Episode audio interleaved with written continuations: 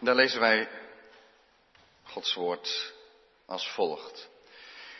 En toen de dag van het Pinksterfeest vervuld werd, waren zij allen eensgezind bijeen. En plotseling kwam er uit de hemel een geluid als van een geweldige windvlaag en dat vervulde heel het huis waar zij zaten. En aan hen werden tongen als van vuur gezien, die zich verdeelden en het zat op ieder van hen. En zij werden alle vervuld met de Heilige Geest en begonnen te spreken in andere talen, zoals de Geest hun gaf uit te spreken. Nu woonden er Joden in Jeruzalem, godvrezende mannen uit alle volken die er onder de hemel zijn. Toen dan dit geluid klonk, kwam de menigte samen en raakte in verwarring, want ieder hoorde hem in zijn eigen taal spreken. En ze waren alle buiten zichzelf en verwonderden zich. En ze zeiden tegen elkaar, zie, zijn het niet allen Galileërs die daar spreken? En hoe kunnen wij dan horen, in ieder in onze eigen taal waarin wij geboren zijn? Parten, Mede, Elamieten en zij die inwoners zijn van Mesopotamië, Judea, Cappadocië, Pontus en Azië, Frigië, Pamphylië, Egypte en de streken van Libië, dat bij Cyrene ligt, als ook de nu hier verblijvende Romeinen, zowel Joden als proselieten, Cretensen en Arabieren. Wij horen hen in onze taal over de grote werken van God spreken.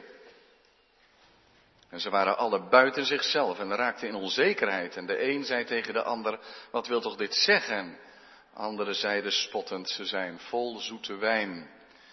En dan, dan staat Petrus op en vertelt over Pinksteren en over de Heer Jezus Christus, de opstanding van Hem die dit uitgestort heeft. En dan lezen we verder in vers 37. En toen zij dit hoorden, werden zij diep in het hart geraakt en zeiden tegen Petrus en de andere apostelen, wat moeten we doen, maddenbroeders? En Petrus zei tegen hen, bekeer u en laat ieder van u gedoopt worden in de naam van de Heer Jezus, tot vergeving van de zonden. En u zult de gave van de Heilige Geest ontvangen. Want voor u is de belofte, en voor uw kinderen, en voor alle die veraf zijn, zoveel als de Heere onze God ertoe roepen zal. En met veel meer andere woorden legde hij getuigenis af en spoorde hij hen aan met de woorden, laat u behouden uit dit verkeerde geslacht. Zij nu die zijn woord met vreugde aannamen, werden gedoopt. En ongeveer 3000 zielen werden er op die dag aan hen toegevoegd. En zij volharden in de leer van de apostelen en in de gemeenschap, in het breken van het brood en in de gebeden. En er kwam vrees over iedereen en er werden veel wonderen en tekenen door de apostelen gedaan. En allen die geloofden waren bijeen en hadden alle dingen gemeenschappelijk. En zij verkochten hun bezittingen en eigendommen en verdeelden die onder allen nadat ieder nodig had. En zij bleven dagelijks eensgezind in de tempel bijeenkomen, terwijl zij van huis tot huis brood braken, namen zij gezamenlijk voedsel tot zich met vreugde en in eenvoud van hart. En zij loofden God en vonden genade bij heel het volk. En de Heere voegde dagelijks mensen die zalig werden aan de gemeente toe. Tot zover lezen we Gods woord voor deze dienst. Zalig zijn zij die het woord van God horen en geloven en daaruit leven. Amen. De tekst voor de prediking is het tweede gedeelte wat we hebben gelezen, eigenlijk vanaf vers 42 tot 47. En die teksten ga ik niet nog een keer met u lezen op dit moment, maar als u een Bijbel bij heeft, neem hem er ook maar bij. Want er zijn vijf dingen in dit gedeelte dat, uh, die op ons af zullen komen. In de prediking van, van morgen met Pinksteren, handelingen 2, vers 42 tot 47.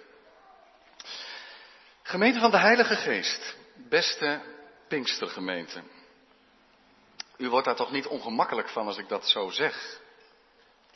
Ik weet wel, als je een Pinkstergemeente zou willen bezoeken en je zou in het Antwerps om je heen kijken, dan zou je waarschijnlijk via de VVP, Verbond van Vlaamse Pinkstergemeenten, naar Philadelphia, Hoboken worden gestuurd of naar Lighthouse hier in Deurne en vergeet niet de vele Pinkstermigrantenkerken die er ook in Antwerpen zijn.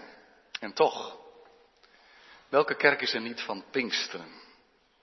En welke gemeente niet een gemeente van de Heilige Geest? Met Pinksteren gaat het om de wereldzending. Het is het grote zendingsfeest. Je zou kunnen zeggen dat de Heilige Geest bij de uitstorting het startschot geeft en de kracht om het evangelie te verkondigen, beginnend bij Jeruzalem, Judea, Samaria en dan tot aan het uiterste van de wereld. En dan gaat het bij Pinksteren ook over de krachtige werking van de Heilige Geest, namelijk dat mensen getroffen worden in het hart, verbroken worden en vernieuwd, en de Heer Jezus als hun redder aannemen, dat is ook allemaal Pinksteren van de Heilige Geest. Maar Pinksteren gaat ook over de kerk. Over de gemeente, de woonplaats van God in de geest. Handelingen 2, zo is toch wel opmerkelijk, begint met de krachtige uitstorting van de Heilige Geest. Met de tekenen die erbij horen. Maar eindigt in de gemeenschap van de Heilige Geest. Namelijk de gemeente in Jeruzalem, bestaande uit duizenden leden. De Heilige Geest is de grote gemeentestichter. Heb je er zo wel eens over nagedacht? Elke christelijke gemeente een Pinkstergemeente. Waar de Heilige Geest woont en werkt.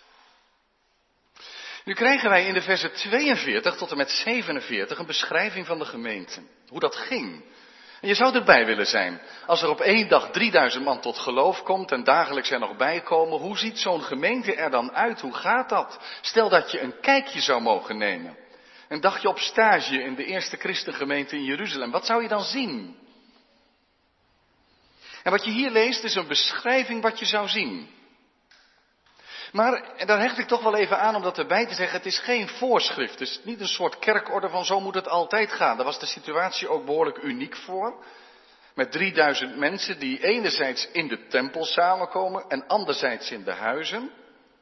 Dus geen blauwdruk voor kerk zijn. De situatie was uniek. En toch, in deze beschrijving lees je wel iets wat de Heilige Geest deed. Iets van de vrucht van Pinksteren. En als je het leest, als het goed is, ga je verlangen. En zeg je misschien straks wel, ik wil ook bij die gemeente horen. En dan zeg ik, wacht eventjes, dat hoort u al. Ga je mee verlangen? Nu staat er in vers 42 tot 47 veel, eigenlijk te veel, om alles in één preek naar voren te brengen. En daarom heb ik gelet op de werkwoorden. En ik wil u vragen dat ook te doen. Deze verzen doorgelezen met het oog op de werkwoorden. Wat doen de gelovigen? En als de Heilige Geest de gemeente sticht, waar zet hij dan toe aan? Wat komt er dan in beweging? Eh, en let op, dat is geen prestatie van deze gemeente. Het is eerder gratie van de Heilige Geest, een geschenk van de Heilige Geest.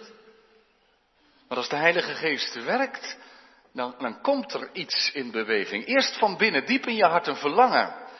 En dan ook in de praktijk van gemeente zijn. Vijf werkwoorden van de gemeente van de Heilige Geest.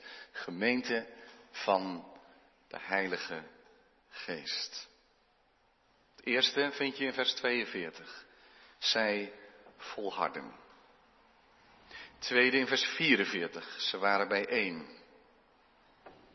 Het derde in vers 45. Ze verkochten en ze verdeelden. Het vierde in vers 46. Ze bleven bijeenkomen. En het vijfde in vers 47. Ze loofden God. Vijf werkwoorden van de gemeente van de Heilige Geest. Een paar jaar geleden, het zij u vergeven als u dat niet meer weet. Ik kan het ook niet zomaar weer oplepelen preekte ik over vers 42, de vier kenmerken van de eerste christengemeente. Maar het opmerkelijke is dat er een vijfde kenmerk is en daarmee wordt begonnen, zij volharden. Ik ben dan geneigd om die vier dingen helemaal naar voren, ik zal ze straks nog even aanwijzen, maar het begint met zij volharden of ook te vertalen met zij wijden zich trouw aan. Dat is toch opmerkelijk, want ik zou haast denken, ja, het is nog helemaal aan het begin, hè? Ik, je ontmoet wel eens mensen die net tot geloof komen, die hoef je echt niet te gaan vertellen dat ze ook naar de kerk zouden kunnen. Maar die zeggen, is het alweer zondag? Mag ik? En het gaat allemaal vanzelf. Je bent er zo vol van. En je wil zo graag christenen ontmoeten. En later, kan dat allemaal wat gewoner worden enzovoort. En dan, dan komt daar ook volharding bij. Dan moet je ook op een goede zondagochtend wel eens tegen jezelf zeggen van uh, al uh, slaapt mijn bed zo lekker en er zijn er vele andere dingen. Maar ik, ik ga toch. Ik moet ook gewoon trouw en toegewijd zijn, want dat is goed voor de gemeente en ook wel voor mijzelf. Maar hier direct in het begin, als de gemeente getypeerd wordt, gaat het al over vol volhouden. Over volharden, over je trouw toewijden. Zo belangrijk is dat blijkbaar. Want christen zijn en de Heilige Geest ontvangen betekent niet drijven op je gevoel als op een luchtbedje dat zacht met de stroom meedrijft. Maar je moet je ook trouw toewijden aan. Daar zet de Geest toe aan. En dan houden ze vol in deze vier dingen. En die zijn dan ook echt, maar letterlijk, de moeite waard. Het blijven in de leer van de apostelen. Voor die tijd was dat natuurlijk zeer belangrijk, omdat ze heel hun Bijbel anders moesten lezen. De schriften van het Oude Testament vervuld in de komst van de Heer Jezus Christus. En dat ze op een andere manier daar in die tempel tegen de offerdienst enzovoorts aan gingen kijken. Onderwijs in de leer van de apostelen over de betekenis van, van wat Jezus had gezegd en gedaan. En voor ons is het ook zo belangrijk. Hou jij vol? Om dat tot je te nemen? in eredienst, in kringen, bijbelstudie, in persoonlijke verdieping. Dat je blijft bij het onderwijs van de apostelen en daarin volhoudt. Trouw je toewijdt daaraan. Dat uh, mag van harte gaan, hè? Staat hier. Van harte je toewijden. En dat mag ook moeite kosten. De geest, zo lezen we dan verder, is ook de geest van de gemeenschap. Hij brengt samen. Belangrijk om dat nog eens te onderstrepen in tijden van individualisme, waar ook in kerken het al te snel gaat over van wat wil ik nou zelf, wat vind ik nou zelf fijn, waar heb ik behoefte aan. Dan blijkt de geest de geest van de gemeenschap, zij volharden in de leer van de apostelen en in de gemeenschap. In het breken van het brood, en daarbij mag je zeker ook aan het heilig avondmaal denken. En in de gebeden volharden, in de gebeden volhouden hartelijke toewijding, dat is van de geest. Ook als het moeilijk is. Ook als het even niet zo fijn aanvoelt en niet zo heel hard aan je trekt. Dan kun je dus zeggen, ja, maar dat is dan van de geest dat ik er weer zin in krijg. Dat, dat is ook zo, maar de geest zet ook aan tot volhouden. Je trouw toewijden en daarom mogen wij bidden. Geef ons dit, heilige geest van God. Vul opnieuw mijn hart. Ook met verlangen. Ook met trouwe toewijding. Dat is het eerste. Tweede werkwoord lezen we in vers 44. En alle die geloofden waren bijeen. Wie? Wie er zin in had? Jazeker, want ik denk dat ze er heel veel zin in hadden. Het was niet aan dovermans oren gezegd. Maar er staat ondertussen wel allen die geloofden. Allen. Het is dus niet een hobby van sommigen. En de kerk is ook niet een uitvinding van mensen. Van laten wij eens bij elkaar komen. Want het is ook zo wat om alleen te geloven. Dat valt in deze tijden ook niet mee. Dus laten we maar met enige regelmaat samenkomen. Maar als je er zo over spreekt, dan benader je het helemaal van onderop. Alsof de gemeenschap en de gemeente iets van ons is. Wat wij bedacht hebben omdat we dat interessant vonden. Het is Christus die zich een gemeente vergadert tot het eeuwige leven. En hij gaat daarmee door, altijd en beschermt en onderhoudt zijn kerk. En de geest is de geest van de gemeenschap. Samen in de naam van Jezus. En de geest doorbreekt de grenzen die door mensen zijn gemaakt. En daarom zouden we het Pinksterfeest geen recht doen als we vanmorgen alle aandacht zouden geven aan wat de Heilige Geest persoonlijk in ons hart en leven doet. Wat ook belangrijk is. Wat ervaar ik van de Geest? Hoe werkt Hij verbrekend, vernieuwend en vervullend in mijn hart uit?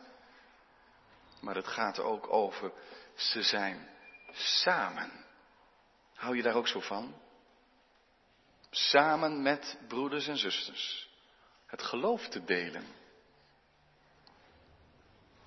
vreugde te beleven in de eer van God. De rijkdom van Gods genade te verkennen, opdat we met alle heiligen iets zouden begrijpen van de lengte, diepte, hoogte en breedte en kennen de liefde van Christus.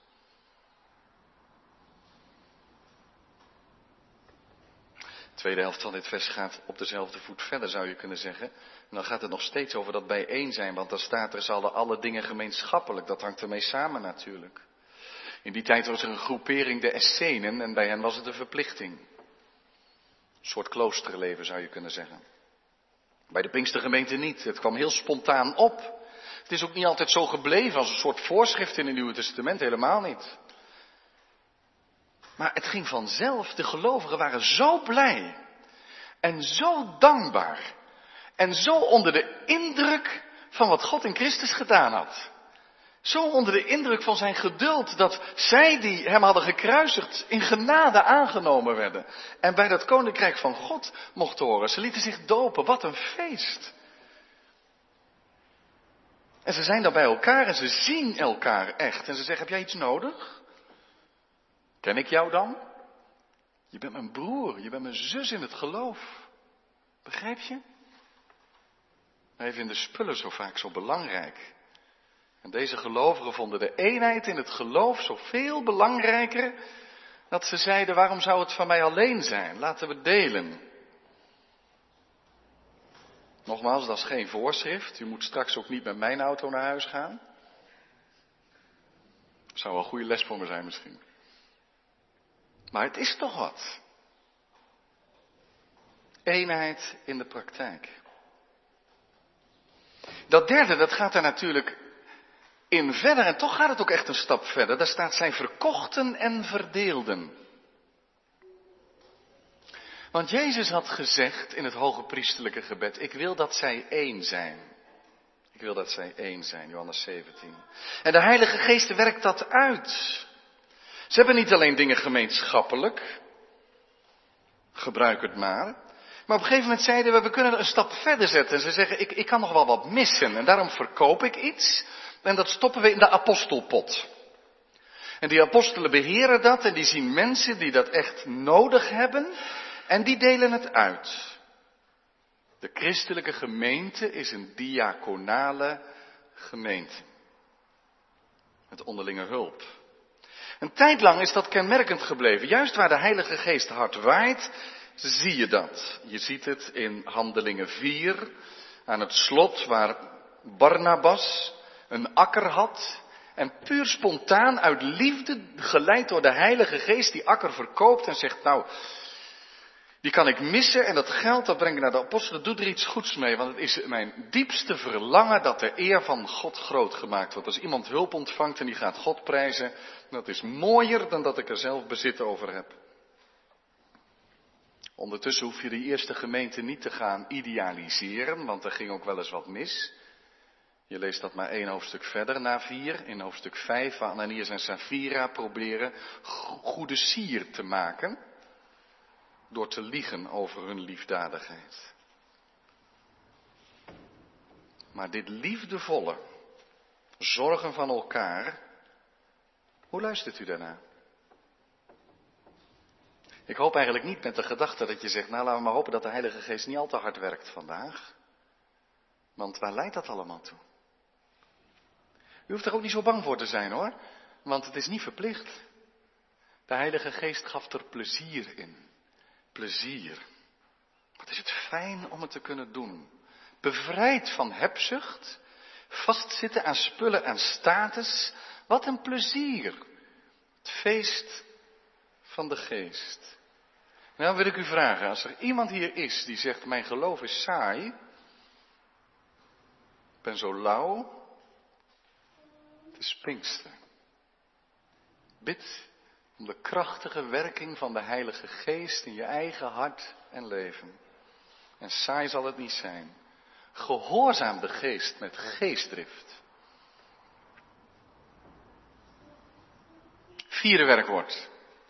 Vers 46. Zij bleven bijeenkomen. U zegt, nou vind maar af, die hebben we al gehad. In vers 44.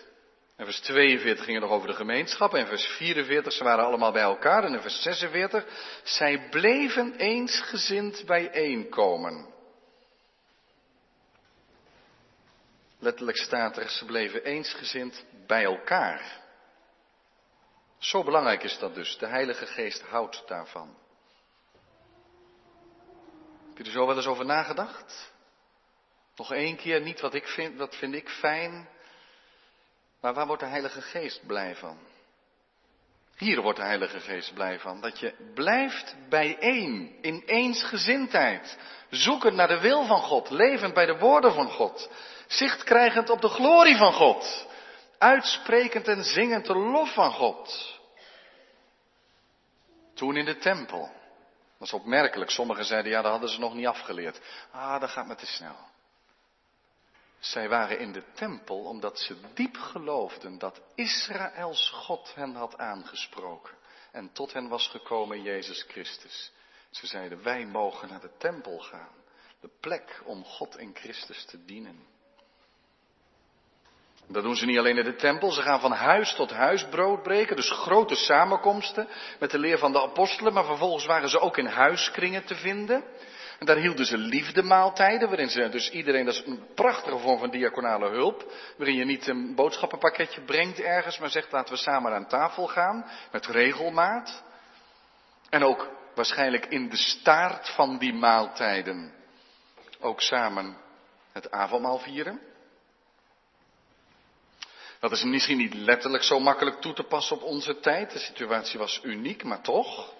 Het is toch geen gekke gedachte om eens na te denken over gezamenlijke diensten en vervolgens elkaar in huiskringen ontmoeten om elkaar te kennen, naar elkaar te vragen, met elkaar mee te leven, met elkaar te bidden. Het gaat niet om voorschrift hier, maar om vreugde. Het doet zo goed en daarom aten ze met vreugde en eenvoud van hart. Wat een tintelingen zitten er in deze versen. Wat een plezier. Wat een genot. Wat een zegen. Wat een vreugde. de vijfde is zij loofde God. De gemeente is een lovende gemeente, een lofprijzende gemeente. Gemeente van lofprijzing en aanbidding. God alle eer, daar gaat het om. Daarom noemen we de diensten vaak ook wel erediensten. En dat zet de toon van de gemeenschap. Dat doen we zo graag samen God prijzen. De mensen eromheen zagen het ook. Die zagen een prijzende gemeente. Die zagen dankbare mensen voor Gods genade.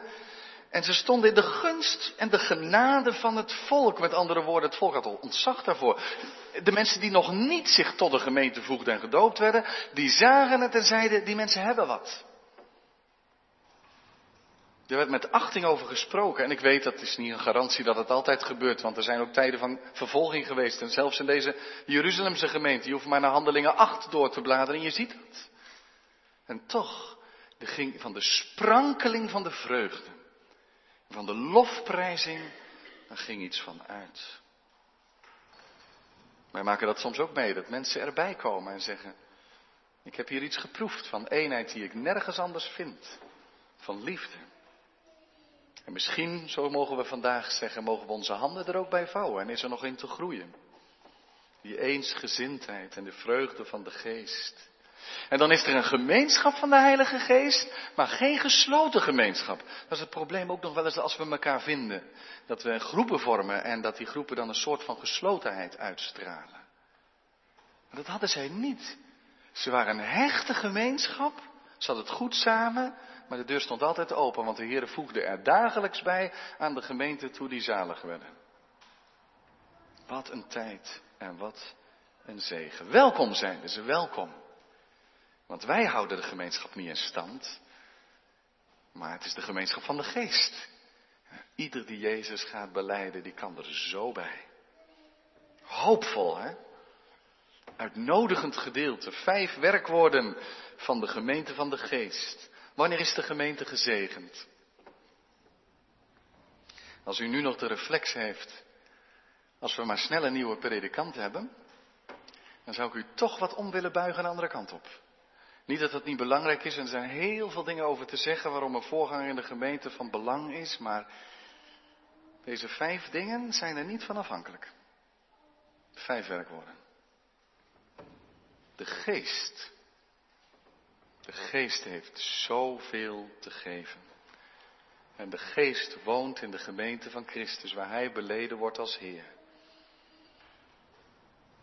Ook al gaat de gemeente vakantentijd tegemoet. Vers 42 tot vers 47 blijft. En dezelfde geest, wat belangrijker is, blijft ook. En die werkwoorden mogen ons voor ogen staan.